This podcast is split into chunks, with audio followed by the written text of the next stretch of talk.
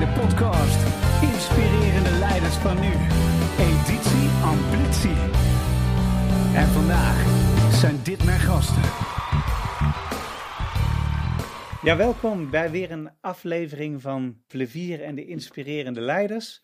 Het doel van de podcast voor de mensen die het nog nooit gehoord hebben, is natuurlijk dat we inspirerende leiders in beeld brengen, eh, zodat ze als rolmodel kunnen dienen voor anderen in de wereld die mogelijk hun eigen leiderschap ook willen ontwikkelen. Want we zitten in een drukke wereld, een snelle wereld, ze noemen het wel de VUCA-wereld. De wereld is voluntary, uncertain, complex en ambiguity. Eh, wat eigenlijk inhoudt dat het onbeheersbaar is geworden, omdat alles complex met elkaar samenhangt en we morgen niet kunnen voorspellen waar we morgen staan. Er kan vandaag iets gebeuren en dan kan dat invloed hebben op morgen. En uh, dat geldt zowel op, op individueel niveau als op organisatieniveau, als op landniveau en zelfs als wereld uh, heeft het een impact. En uh, daarom interview ik leiders om erachter te komen wat zijn eigenlijk de essentie van leiderschap en welke kwaliteiten heeft een hedendaagse leider nodig. En we hebben aan de andere kant hebben we een fantastische gast zitten van Douw, Anton van Beek. Welkom in de podcast. Goedemorgen Wouter. Goedemorgen. Hey, we gaan jou zo voorstellen aan de hand van jouw Guilty Pleasure Music.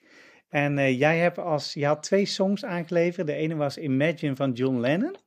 En de andere was Adele, uh, Someone uh, Like You. Allebei geweldige zangers en songs. Even heel kort, waarom deze song? Waarom John Lennon bijvoorbeeld? Nou? John Lennon, 1971. Imagine is, is eigenlijk een, een, song die nog steeds vandaag de dag over generaties nog steeds de hoop uitspreekt. Um, hoe je nou een samenleving keer iedereen zichzelf kan zijn eh, waarbij je daadwerkelijk gelijkheid kunt realiseren. En als je dat in 1971 uh, schreef, dat liedje, en je ziet als je kijkt waar we vandaag de dag staan, hoe relevant dat nog is, vind ik het heel mooi dat, dat er mensen zijn geweest en nog steeds zijn die die aspiratie, dat doel hebben, we willen daar met elkaar naartoe. En dat zo mooi kunnen verwoorden in zo'n simpel liedje. Hij is niet de beste zanger wat mij betreft, hè. Dat, dus qua zangkwaliteit niet. Maar als je kijkt qua tekst en wat hij wilde realiseren, is dat een heel mooi iets. Ja, ik was afgelopen november was ik in New York. En daar heb je een deel van Central Park wat helemaal gericht, ingericht is rondom Imagine van John ja, Lennon. Ja. En wat ik dan heel leuk vind is dat daar ook muzikanten zijn, songs spelen en daar heel veel mensen erop afkomen. Ja, dat is tijdloos. Tijdloos, ja. ja. Laten we eens luisteren hoe het uh, nummer klinkt.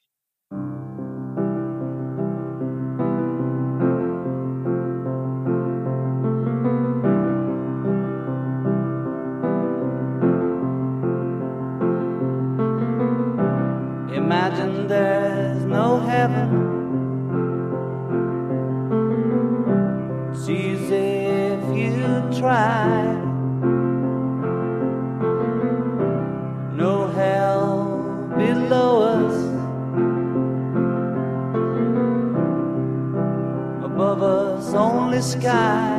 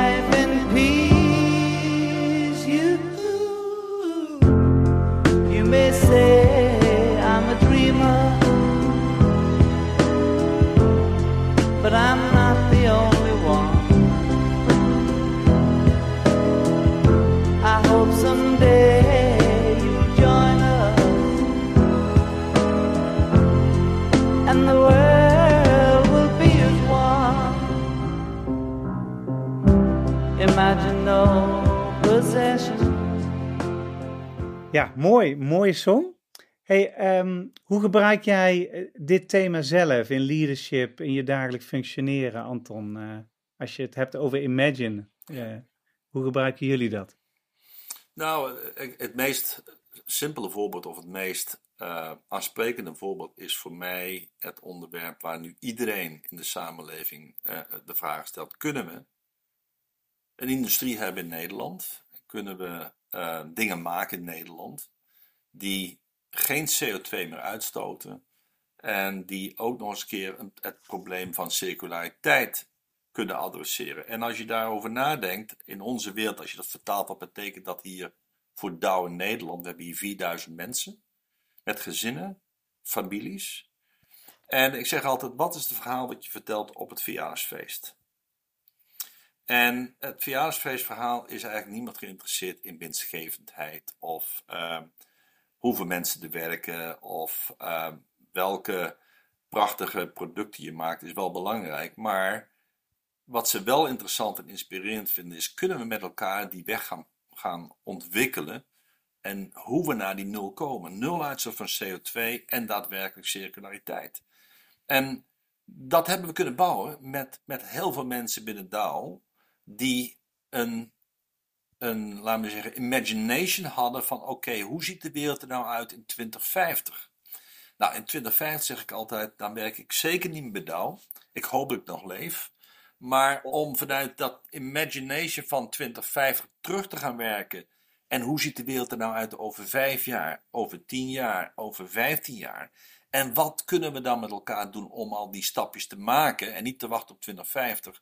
Nou, dat vind ik het, het meest leuke proces als je praat over leiderschap, om daar mensen mee naartoe te brengen, die wereld van 2050, en die gaan we nu terughalen naar 2030 en 2025. Ja, ja je, ziet, je ziet in de maatschappij is er natuurlijk een heel groot hot issue, hè, die CO2-uitstoot. En uh, ja, ik, ik vind zelf altijd als ik daar naar kijk, van het is, ik denk dat elke mens het belangrijk vindt dat het gebeurt, omdat iedereen wel snapt dat het impact heeft. En hoe krijg je dan mensen in beweging om uh, mee te gaan bewegen? Want zoals bijvoorbeeld het natuurlijk, hè, je hebt natuurlijk een stukje beleid erop nodig, maar zoals het uh, richting de boeren werd verkondigd, ja. gaat met de harde hand en dan krijg je geen dialoog voor mijn gevoel. Nee. nee. En hoe doen jullie dat? Nou, dat is een heel goed voorbeeld, Wouter. Wij hebben een stukje harde hand. Dat heet bij ons de ETS-prijs. Ik zal niet in technieken gaan, maar ja. de industrie in Europa krijgt, moet straks een prijs gaan betalen voor het uitstoten van CO2. Dus dat is daar, als je zoals je wilt, de harde hand. Uh, de wortel, als we daar even over spreken, is het samenwerken met een overheid, met de academische wereld, om te kijken hoe bouw je nou die, uh, die wereld waarbij je daadwerkelijk die CO2 kunt reduceren. Dus het grappige is eigenlijk, als je over, over dit onderwerp nadenkt, Wouter, dan hoef ik eigenlijk heel weinig mensen te motiveren om hier aan mee te werken. Als je kijkt naar jong, oud, uh, waar je ook vandaan komt, wij merken dat er enorm interesse is binnen ons bedrijf om mee te werken, mee te denken aan het creëren van deze roadmap, zoals we dat noemen, zonder CO2 en circulair. En dus wat je eigenlijk moet doen, is die mensen ruimte geven om daadwerkelijk te zeggen wat ze denken. Dat klinkt raar, maar in grote bedrijven heb je relatief veel politiek. Ja, ja en als er net een CTO is geweest die heel veel geld heeft gestopt in proces A, en dan komen een paar creatieve mensen die zeggen: ja, maar proces A dat geeft maar 40% reductie. Laten we het in proces B of C doen, dat geeft 100. Dan heb je al politiek. Dus wat je eigenlijk doet, is geef, creëer een ruimte voor de verschillende disciplines van mensen. Om daadwerkelijk in een soort, ja, ik zeg maar, ruimte waarbij je echt je geest de vrijheid kunt geven om die ontwikkelingen te doen. En wat je dan doet, is zorgen dat je dat gaat, gaat samenvatten tot een roadmap. Hè? Want er zijn natuurlijk heel veel verschillende ideeën wat je zou kunnen doen, hoe je het moet doen. En dan ga je dus langzaam ga je dat vormgeven met die mensen in een roadmap. Van oké, zo ziet ons path to zero, zoals we dat noemen. Ziet dat eruit. In drie stappen kunnen wij naar nul. En dan ga je daar proberen uh, geld voor vrij te maken. Dan ga je dat ja. verder uitwerken. Maar het enthousiasme wat je ziet, of je nou al 20, 30 jaar bij Dow werkt of, of een paar maanden. Mensen zijn zeer enthousiast, en zeker de jonge generatie, om mee te denken om die wereld te bouwen. Dus wat ik ja, eigenlijk doe is relatief simpel. Ik, ik probeer die mensen structuur te geven, een platform te geven, om hun verhaal samen te voegen tot: oké, dit is de strategie hoe we dit zouden kunnen doen met elkaar. Hey, en die inclusiviteit, hè, want dat is jullie tweede pijler, Ja. dat betekent dat iedereen dus eh, mee kan participeren in dat geheel. Ja, dat is eigenlijk het mooie, hè? inclusiviteit. We zeggen, ik, ik meet het eigenlijk inclusief en, en de- wij noemen het diversiteit en inclusiviteit. Diversiteit is makkelijk te meten. Vrouw, man, ben je homo of geen homo, Eh, kom je uit het Midden-Oosten of kom je uit Azië. We hebben heel veel verschillende manieren hoe je bij wijze van spreken diversiteit kunt meten. Daar zitten ook groepen achter die met elkaar in gesprek gaan om van elkaar te leren. Zo hebben we bijvoorbeeld een groep dat heet Asian Diversity. En we hebben hier vrij veel mensen uit Azië werken in, in Nederland, in Zeeland. En daar ga, daar ga je mee in gesprek om te begrijpen: oké, wat zijn jullie uitdagingen nou om hier in Nederland te werken? Hoe werkt jullie cultuur? En ik geef je het voorbeeld: een van mijn business development mensen, die kwam, of die komt uit India. En dan zei ik altijd: joh, maar waarom kom je niet even gewoon binnenlopen voor een kopje koffie met mij? Hè? Je ziet me 's ochtends zit ik op mijn kantoor, kom even binnen, de deur staat open. Maar hij zegt die Anton, dat is een barrière. In mijn cultuur Ja, is het niet normaal dat ik even zo bij de president director binnenloop. ja, En dan kan ik hem vier, vijf keer zeggen, maar het is prima om dat te doen. En na verloop van tijd doen ze dat wel. Maar het, het leuke is ook het, het begrijpen waar die andere cultuur vandaan komt, waar ze mee zitten. En dat, en dat bij elkaar te brengen in een vorm. Zoals we dat kunnen doen met, met tien verschillende groepen bij ons, is, is heel mooi om te doen. En ook van te leren. Met name het lerend effect. Dus als je kijkt, waarom zijn wij zo eh, bezig met, met inclusiviteit en diversity? Is als jij een probleem wil oplossen, waar we het net over hadden. CO2, circulariteit. Dan moet je niet allemaal gelijkgestemde mensen in een kamer neerzetten en zeggen, joh, ga je het nou eens even oplossen. Met dezelfde kleur, dezelfde opleiding, dezelfde school, dezelfde achtergrond. Dat is niet een goed creatief proces om grote problemen op te lossen. Het is veel leuker om verschillende disciplines in een kamer neer te zetten. En te zeggen, dit is het probleem wat we met z'n allen hebben. Hoe kijk jij daarna? Hoe kijk jij daarna? En dan zie je gewoon dat die creativiteit in probleem oplossen, als je daadwerkelijk een diverse groep mensen hebt die inclusief denken, hè, dat is wel een voorwaarde, want je kunt Ja. divers zijn, maar nog niet inclusief zijn. Hè, maar dus die inclusief met elkaar daarover werken, dan zie je dat je in één keer in staat bent om problemen op een hele goede en een effectievere manier op te lossen dan als je niet inclusief bent. ja, mooi. Ja, ik schrijf ondertussen met je mee, omdat ik altijd een samenvatting geef aan het eind Ja. van wat we Ja. besproken Ja, ja.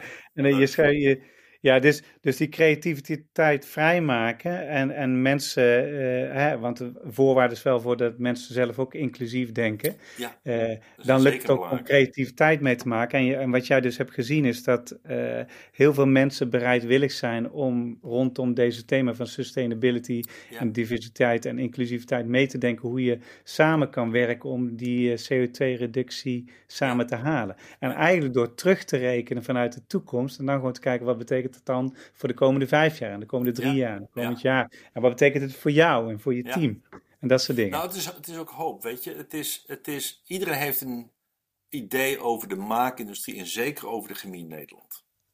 Ik zeg altijd, als ik zeg ik werk in de chemie, dan krijg ik al gelijk tien mensen met een opinie. Als je zegt ik werk voor Apple, dan reageren mensen anders als ik zeg ik werk voor een chemiebedrijf. Dus hoe creëer je nou een, storyline dat mensen trots zijn op de dingen die ze doen? En daarom is dat dat verhaal rond die circulariteit en die CO2 een zo belangrijk verhaal voor onze industrie, maar ook voor onze maatschappij, omdat ik van mening ben dat je zonder de chemie, en dat bedoel ik niet in een arrogante manier, maar echt op een bescheiden manier, gaan we de transitie niet realiseren. Wij zitten in batterijen, wij zitten in windmolens, we zitten in zonnepanelen, isolatiematerialen, waterpompen, noem maar op. Onze grondstoffen gaan daarin. Dus als je die niet hebt, kun je die, kon die producten niet maken. Dan kun je niet een elektrische auto bouwen. Ja. Of kun je niet je huis isoleren. Ja, Maar, zo is het ook. Dus er zit eigenlijk altijd. niet weten.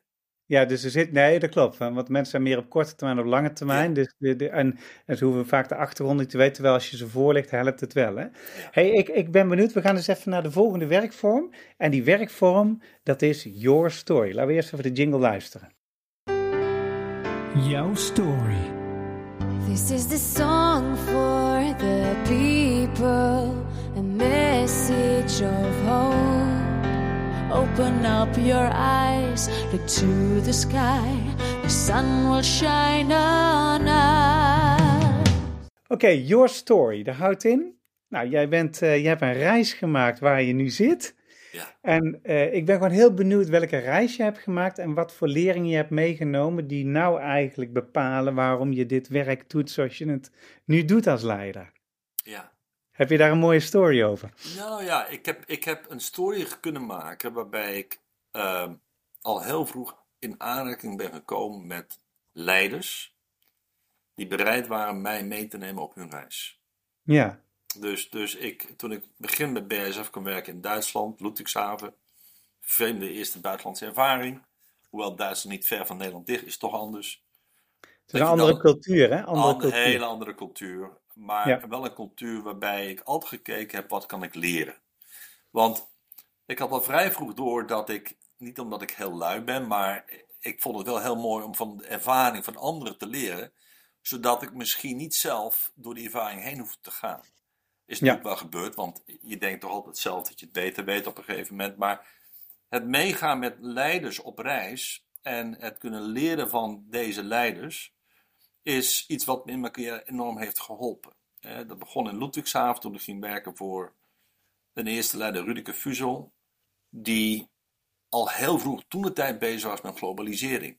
Eh, en hoe ziet de wereld eruit? En hij zei altijd, Anton, Nederland is belangrijk en Duits belangrijk, maar het is maar een heel klein stipje op de wereld. Dat was nog voordat echt globalisatie begon.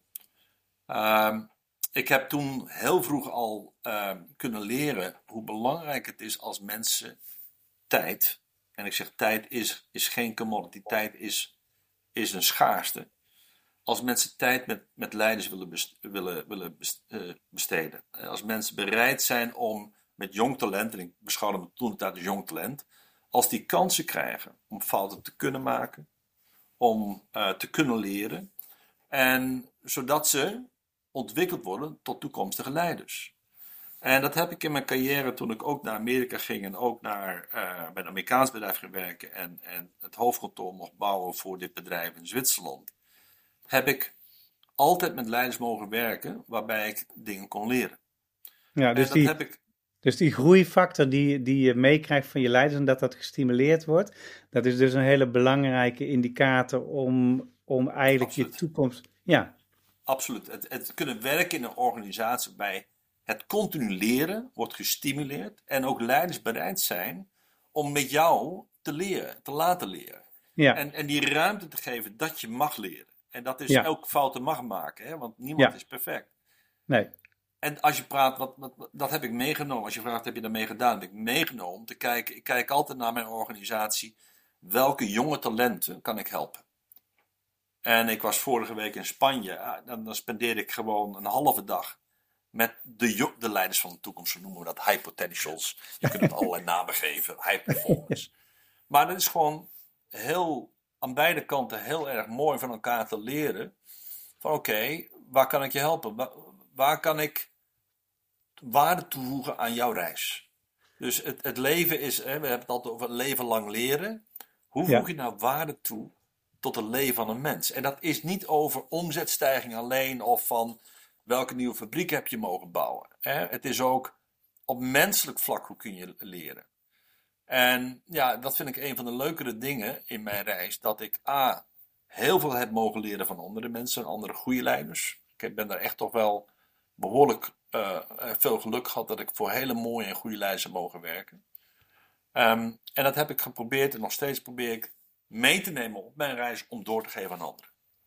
ja, dat is mooi. Ja, dus dat imagine, hè, dat, dat, dat leeft eigenlijk continu door. Dat is, Ja, dat, is tijdloos. is tijdloos. Hè? Hey, en storytelling is dus ook een hele belangrijke manier om, ehm, om mensen te binden aan deze thema's, begrijp ik uit jouw eh, verhaal. Ja, ja. ja, weet je, en ik, ik probeer altijd te spreken in, in metaforen en, en voorbeelden te halen. Ik, heb, ik had laatst een, eh, een verhaal over, over, als je nou praat over Earth Day. Hè? Earth Day, ja, je zal er wel bekend mee zijn, maar voor de mensen die dat niet zijn, is hoeveel keer gebruiken we Hè, de hoeveelheid grondstoffen op de aarde. Hè. En we zitten nou op juli of zo, had ik we zitten precies op juli, Wouter. Precies, Ja. daar zitten we nu. En toen zei ik eigenlijk, het, het, het, het voor, ik had met mijn grootouders, met mijn ouders erover, hoe zijn ouders, hè, de grootouders, toen zij vroeg op school zaten, hoe zij bestraft werden als zij niet goed hun best deden. En dan had je een ruler, een soort houten stok. En als jij dus niet goed je best deed, kreeg jij een paar klappen op je vingers. En als je dat thuis vertelde, dan kreeg je nog een schop onder je kont ook van je ouders. Dat was die context vandaag de dag. Als nu mensen, eh, als kinderen thuis zouden komen, zouden zeggen: Ik ben door de leraar geslagen. Dan is de reactie van mensen: Dan gaan we naar school en spreken met het bestuur. Dat kan niet. Maar in die tijdgeest was dat heel normaal. Ja, ik heb, het mijn Dat- vrouw wel eens, ik heb het mijn vrouw wel eens verteld, Ja. dat wij op de lagere school geslagen werden. Oh, jij ook, ja? Ja, joh, dat als wij iets fout hadden gedaan. Ik weet nog dat in de derde kreeg ik altijd een soort zegelring in mijn hoofd. Want die meneer liep langs en die deed dan Ja. zo in je hoofd, zeg maar. Maar in de, in de vijfde en de zesde hadden we leraar die letterlijk je af en toe een klap geven. ah, hè, als je niet luisterde. En dan zei hij van jongens, eh, tot morgen. Wout, eh, William, blijf even na. En ze komen ze dichterbij en dan pats. kreeg je echt een corrigerende tik. En dat doen we morgen niet meer. En dan ging je naar huis. En dan zeg je, ja, ik ben, ik ben geslagen door mijn, eh, door mijn leraar. En dan zei mijn vader, wat heb jij fout gedaan? en dan, Nou, dat vind ik mooi dat je dat zegt, Wouter. Want dat geeft dan precies aan. Van da- nu zeggen jij en ik beiden van, jeetje, dat dat... dat, die dat tijdgeest komt. is anders. Hè, ja. Dat is anders. En nou denk ik altijd, wat zegt nou de volgende generatie of de generatie daar over onze generatie? Wat Ja. zullen die nu gaan vertellen over deze generatie? Wij dus. Ja. En daar ben ik van overtuigd dat die zeggen, jullie wisten dat er onvoldoende grondstoffen waren voor deze wereld. Jullie wisten Earth Day, juli. Wat Ja. hebben jullie er nou gedaan? Wat hebben jullie nou als leiders, als mensen, als burger aan dit probleem gedaan? En dat houdt me heel erg bezig. En dat is voor mij een enorme drijfveer, maar ook voor heel veel mensen om ons heen. Als je praat over storytelling. Als je dat verhaal vertelt, dan weet iedereen dat die circulaire economie moet komen. En, en dus het mooie is, als je dat verhaal zo vertelt, dan weten mensen in een nanosecond, waarom doen we dit? En ik hoef totaal niet te motiveren. Mensen die zijn super gemotiveerd om op deze dingen zelf te werken. ja. Dus het Ja. is wel belangrijk dat je, wat, hè, dat noemen ze tegenwoordig een purpose, hè, dat is heel mooi. Eh, het kan een missie zijn, het kan een, ik noem het even, de weg naar, waar gaan we naartoe? Hè? Waarom doen we dit? Ehm, maar ik wist niet, Wouter, dat jij dat op school ook, eh, want ik dacht dat al een generatie voor ons was. Nee, er was, ik heb nog les gehad van de nonnen. Maar ik ben, ik ben van 69. Van welk jaar ben jij? 65. 65, ja, dus dat zit vrij dicht bij elkaar. Ja, Maar ik heb ook nog les gehad van de nonnen. Ik heb overigens een hele fijne tijd gehad, hoor. dus niet dat ik daar... eh, eh, maar ik vind wel leuk van, wat je ziet nou het omgekeerde, dat de nieuwe generatie, die is zo gepamperd. Dat, ze, dat hè, alles wordt weggehouden. Als er een probleem is, wordt het bij ze weggehaald. En ik geloof niet zozeer over in goed of fout, maar wel altijd in oorzaak-gevolg. Ja. Dus ook dat gaat weer een gevolg krijgen, weet je wel? Dat, eh, waar we iets van moeten eens. leren, zeg maar, met elkaar. Oké, laten we eens naar de volgende werkvorm, want ik vind het super interessant. We gaan naar Spin the Box. Spin the Box. Het leuke spel waarbij we inkijk krijgen op de leiders van deze tijd.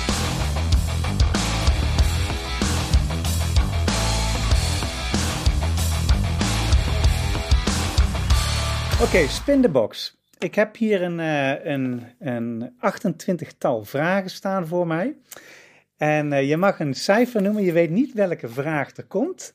En de bedoeling is dat je gewoon zo eerlijk mogelijk antwoord geeft op eh, de vragen. En aan jou, ik, we gaan het vier keer doen. Aan jou de vraag om vier keer een cijfer te noemen. En dan krijg je van mij de vraag. Oké, 7. Zeven. Eens even kijken. Wat is jouw favoriete ochtendritueel? Douchen. Douchen. Ja. Ja? Dat is altijd te lang, vindt, vindt mijn vrouw. En dat, dat, dat laat ze me altijd werken. Ik vind, s ochtends, ik, ben, ik sta op om eh, half zes, iedere ochtend. Ja. En dan vind ik het heerlijk om even gewoon 10 tot 15 minuten te douchen. Dat is mijn ochtendritueel. En dan pak ik een kop koffie. En dan als het weekend ga ik wandelen met de hond. Dat is altijd standaard. Die wordt dan nerveus om een uur of half acht, want dan wil ze met me gaan wandelen. Eh, maar anders ga ik eh, beginnen met mijn dag. En dan neem ik de dag al een beetje door voordat de mensen op het bedrijf komen. Ja, Dus eh, ochtendritueel voor mij is echt gewoon heerlijk even douchen. In alle rust mijn dingen kunnen voorbereiden voordat de meute gaat komen. ja, zeker. Mooi. Ik nog een cijfer noemen? Ehm 13. 13. Eens even kijken. Hoe selecteer je eh, geschikte talenten voor je organisatie? Dat is een hele goede vraag. Ehm, wat ik, ik heb heel veel mensen mogen aannemen. eh, en ik heb ook een aantal fouten gemaakt. En in het begin keek ik heel erg naar skillsets. En skillsets, welke, welke capabilities heeft een persoon. Maar naarmate ik verder in het proces ben gekomen, heb ik veel meer gekeken, geprobeerd te kijken naar het karakter. En een karakter is veel moeilijker uit een cv te halen dan, dan, dan een, eh, een, een skillset. Hè? Dat kun je via opleiding en wat iemand gedaan heeft ongeveer wel halen. En wat ik, wat ik meer en meer doe, is met de laatste twee kandidaten, dan ga ik een wandeling maken. Zie je, spijkerbroek aan, eh, waar ze ook zitten. eh, we gaan met z'n tweeën, gaan we eens even een middag wandelen. En dan kijken ze heel vreemd, dat vinden ze heel, eh, heel vervelend. Dan denken ze, wat is dat nou? Maar dat geeft mij echt de mogelijkheid eh, om, om beter te begrijpen, wie is nou Wouter? Hè, Ik kan wel naar de cv gaan en kijken eh, en via de headhunter dingen proberen te achterhalen. Maar ik kijk met name naar het karakter en met name wat ik probeer te vinden, en dat gaat natuurlijk niet voor alle rollen, is naar het karakter of deze mensen in staat zijn om tegenslag, om daarmee om te gaan, of ze in staat zijn waar gemiddeld 70% stopt, of zij nog energie hebben om verder te gaan en niet eenvoudig opgeven. En dat probeer ik gewoon via die gesprekken te achterhalen. Hè. Wat, hebben ze gedaan? Hoe zijn ze opgegroeid? Uh, wat zijn de, de, uitdagingen die ze het leven hebben meegemaakt? En je gaf net al een beetje aan, Wouter, in de voorgaande vraag gaf je aan van ja, deze generatie, daar hadden we alles voor weg. Um, en, en ben je daar nog in staat om met tegenslag om te gaan? Hè? Want een, gezonde hoeveelheid tegenslag, uh, daarvan ben ik van mening, dat helpt mensen om zich aan te passen en daarmee om te gaan. En we, het creëren ja. van een wereld zonder tegenslag creëert niet de beste leiders. Nee, dat geloof ik ook niet. Ik denk dat mensen weerbaarheid moeten opbouwen. En ja. Wat ik ontdekt heb is in deze, in deze serie, maar ook in het werk wat ik doe met amplitie. Hè, want ik ben expert in amplitie, wat eigenlijk wil zeggen als je verandert en je wilt het succesvol invoeren, dan moet je altijd het resultaat wat je wil bereiken, moet je naast uh, de thema's houden die het functioneren en de zingeving en uh, uh, het werkgeluk van mensen een boost geven. Ja. Dus altijd resultaat plus dat. Ja. En de amplitie zit in het versterken van bevlogenheid, vitaliteit, talentmanagement, workdesign ja. en leadership. Die vijf. En als je dat heel goed doet, dan krijg je uh, een hele goede organisatie. Maar waar ik achter ben gekomen is dat heel veel mensen hun eigen talent niet kennen. En heel veel mensen kennen eigenlijk zichzelf onvoldoende. Dus, ja. dus wil je dat bereiken, dan is ja. stap 1 is dat je zelf inzicht groeit over wie ja. je bent en wat jouw purpose is, jouw waarom. Maar ook wat je uh, aan werkelijke kerntalenten in je hebt, die je zou kunnen manifesteren om meer succes te boeken.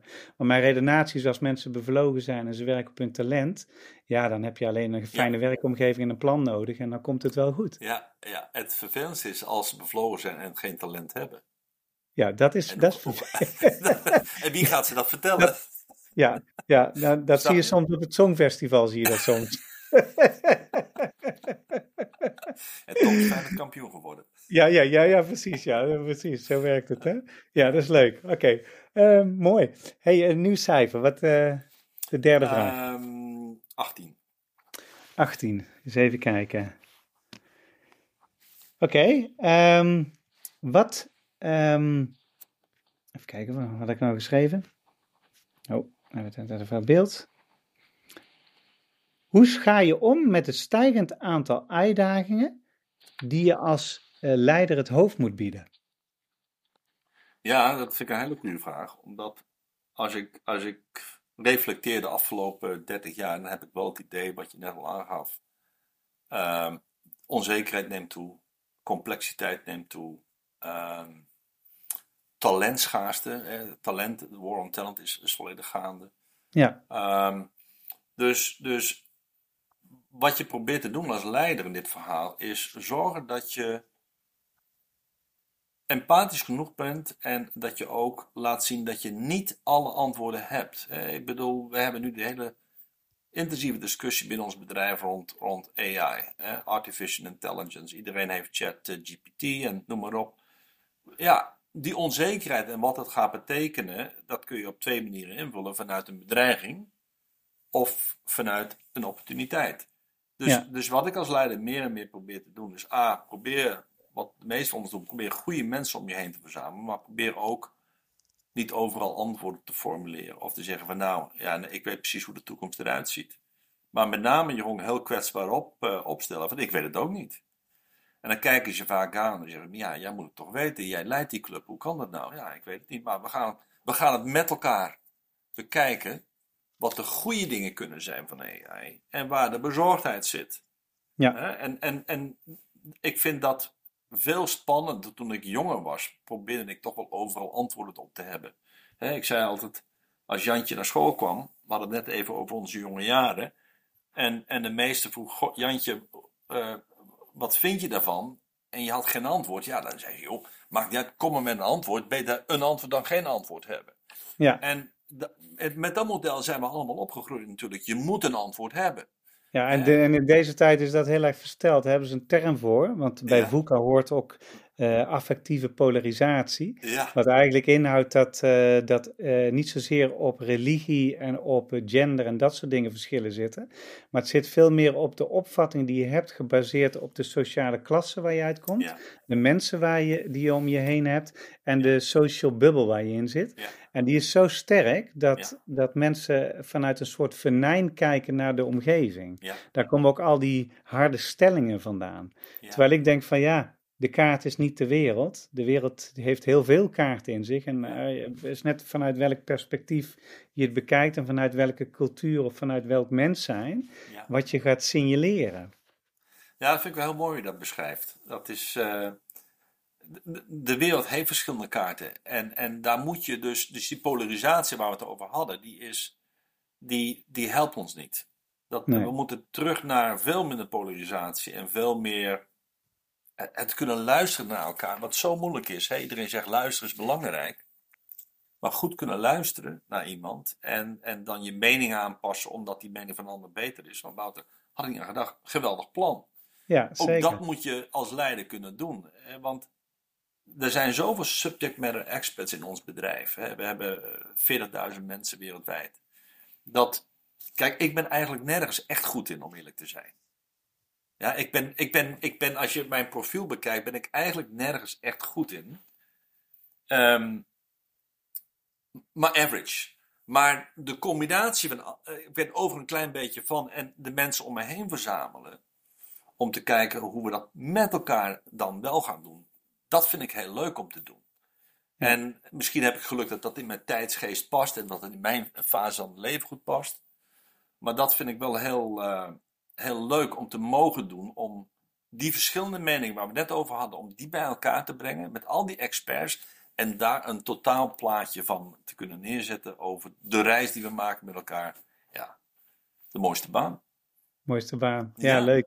Ah, ik herken het wel, van, want eh, ik ben ook niet echt een specialist in, eh, in de dingen die ik doe. En ik heb, ik heb veel meer flaws en fouten dan dat ik eh, talenten heb, denk ik wel eens. Maar doordat ik eh, daar zelf bewust van ben en dat mensen ook kan leren dat zij dat ook hebben. En eh, ik heb wel één ding, ik kan ontzettend inspireren Ah, ja. met mensen praten. En ik lees Ja. graag, weet je wel, Ja. dat soort dingen. Maar ik maak ook muziek. Oh, wat leuk. Dus ik kijk met veel inspiratie kijk ik naar het, het Eurovisie Songfestival, omdat Duncan Lawrence, die ken ik ook, daar heb ik ook les van gehad eh, een Oh, tijdje geleden via mijn partner. En ehm, ik geloof er is altijd een next level. En als je je eigen kwaliteiten met elkaar kan verbinden op zo'n manier dat het waarde toevoegt en dat je ins- in- inspiratie kan zijn voor anderen, Ja. dan ben je eigenlijk als mens hartstikke goed bezig. Ja, ja, ja. Hey, wat, wat, schrijf jij muziek of zing jij of, speel Ja. een instrument? Ja, als je de jingles gaat horen, alle muziek die erin zit, die, eh, die is van mijn hand. En eh, ja, voor deze jingle, de, de nieuwe single, dat is de start jingle van de, van de Oh, podcast. Maar aan het einde hoor je ook eh, de Song for the People. Ja. En de Song for the People heb ik in COVID-tijd gemaakt toen mijn vrouw zei van, nou ja, weet je wat, eh, de, de maatschappij gaat op slot.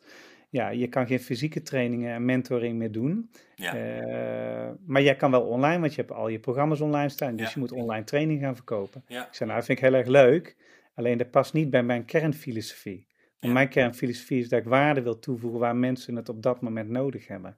Ja. En eh, ik zeg dus wat ik ga doen is 15 eh, clinics verzorgen voor bedrijven, 15 voor individuen. Steeds met sprekers die, op, die ik op het podium tegenkom in. Nederland. Met steeds een onderwerp wat hun een stapje omhoog gaat in hun mindset of omgaan met crisis of sturen op afstand of dat soort dingen.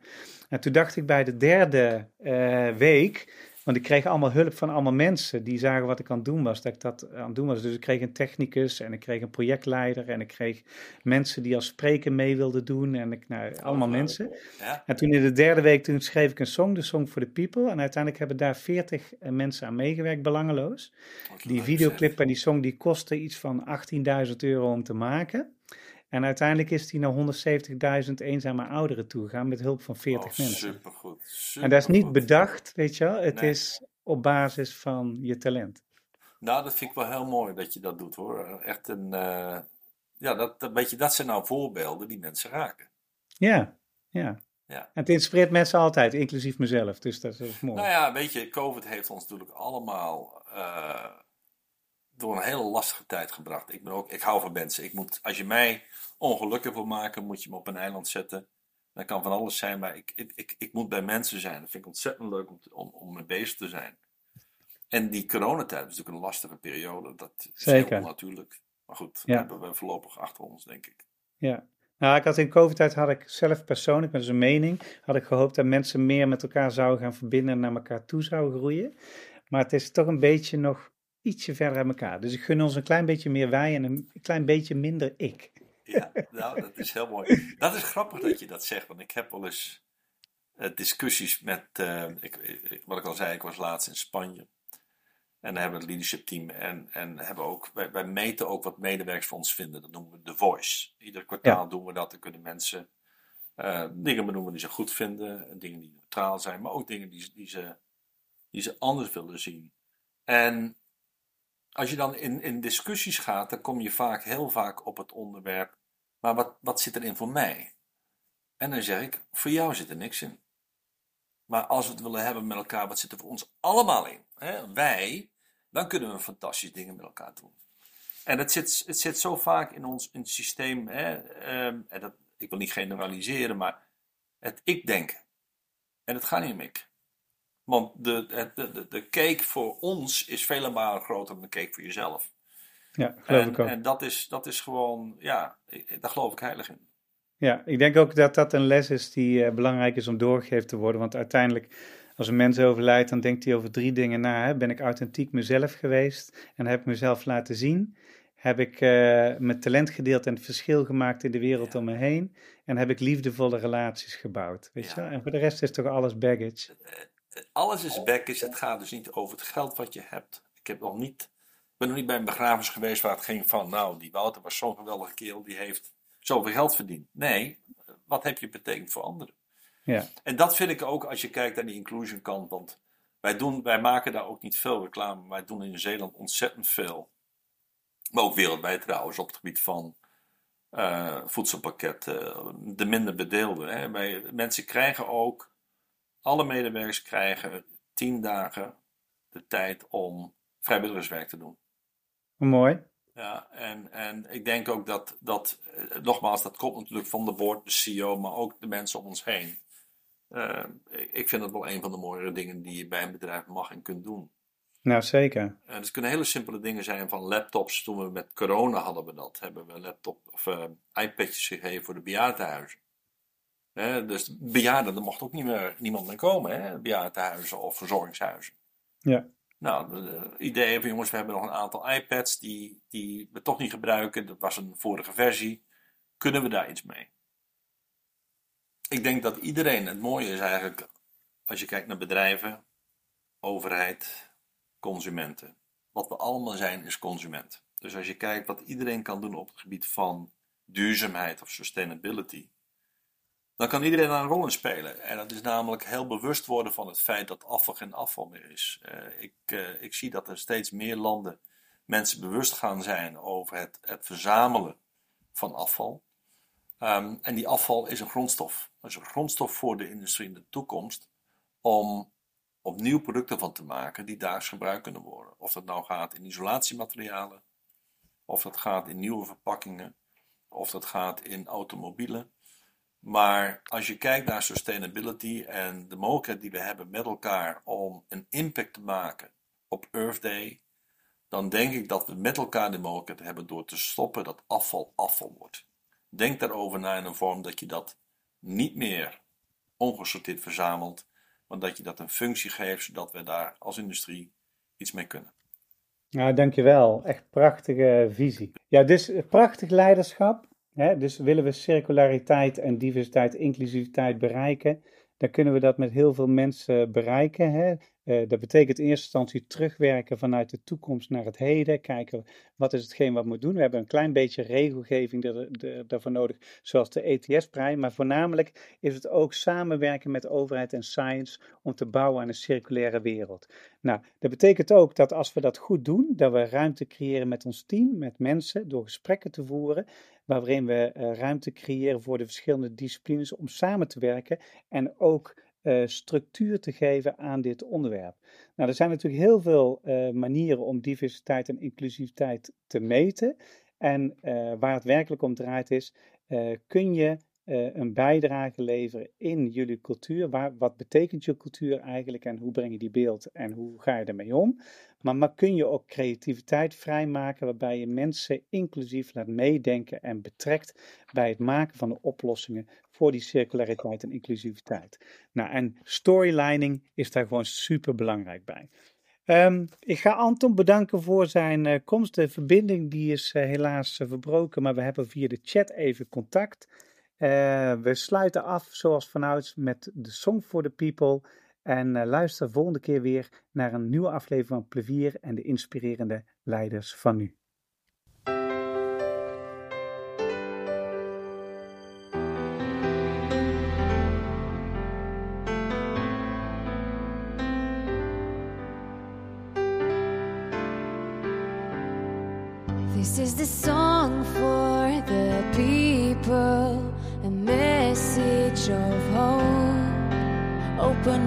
Your eyes, look to the sky, the sun will shine on us.